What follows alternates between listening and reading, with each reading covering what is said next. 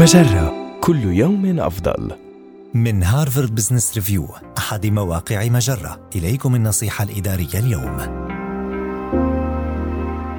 إذا أردت تغيير سلوكك الآن فتخيل نفسك في المستقبل. يعتقد الكثيرون منا أن شخصياتهم الحالية ستبقى ثابتة على الدوام دون أن يطالها أي تغيير. فنتشبث بمسميات مثل أنا انطوائي أو أنا لا أجيد التعامل مع الناس. لكن التفكير بهذه الطريقة لا يترك مجالا للنمو في حين أن الحقيقة هي أننا نستطيع التغيير وننفذه.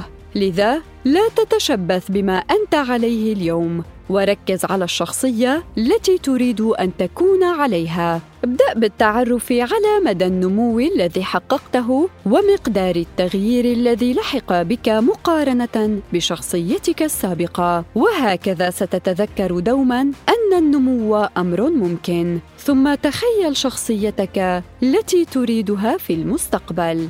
ربما تريد أن تكون أكثر ارتياحا في الدردشة مع الأشخاص الجدد.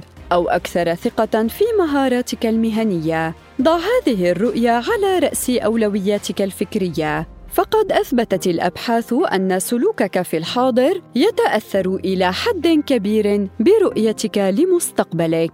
ثم حمل نفسك المسؤولية عن طريق إخبار الآخرين بما تريد تحقيقه. قد يكون هذا مخيفا لكنه سيرغمك على المواءمة بين سلوكياتك وقصتك الجديدة. هذه النصيحة من مقال كيف تتحكم في مستقبلك المهني بشكل أفضل.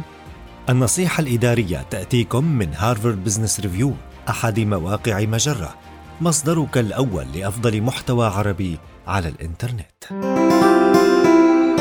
مجرة كل يوم أفضل.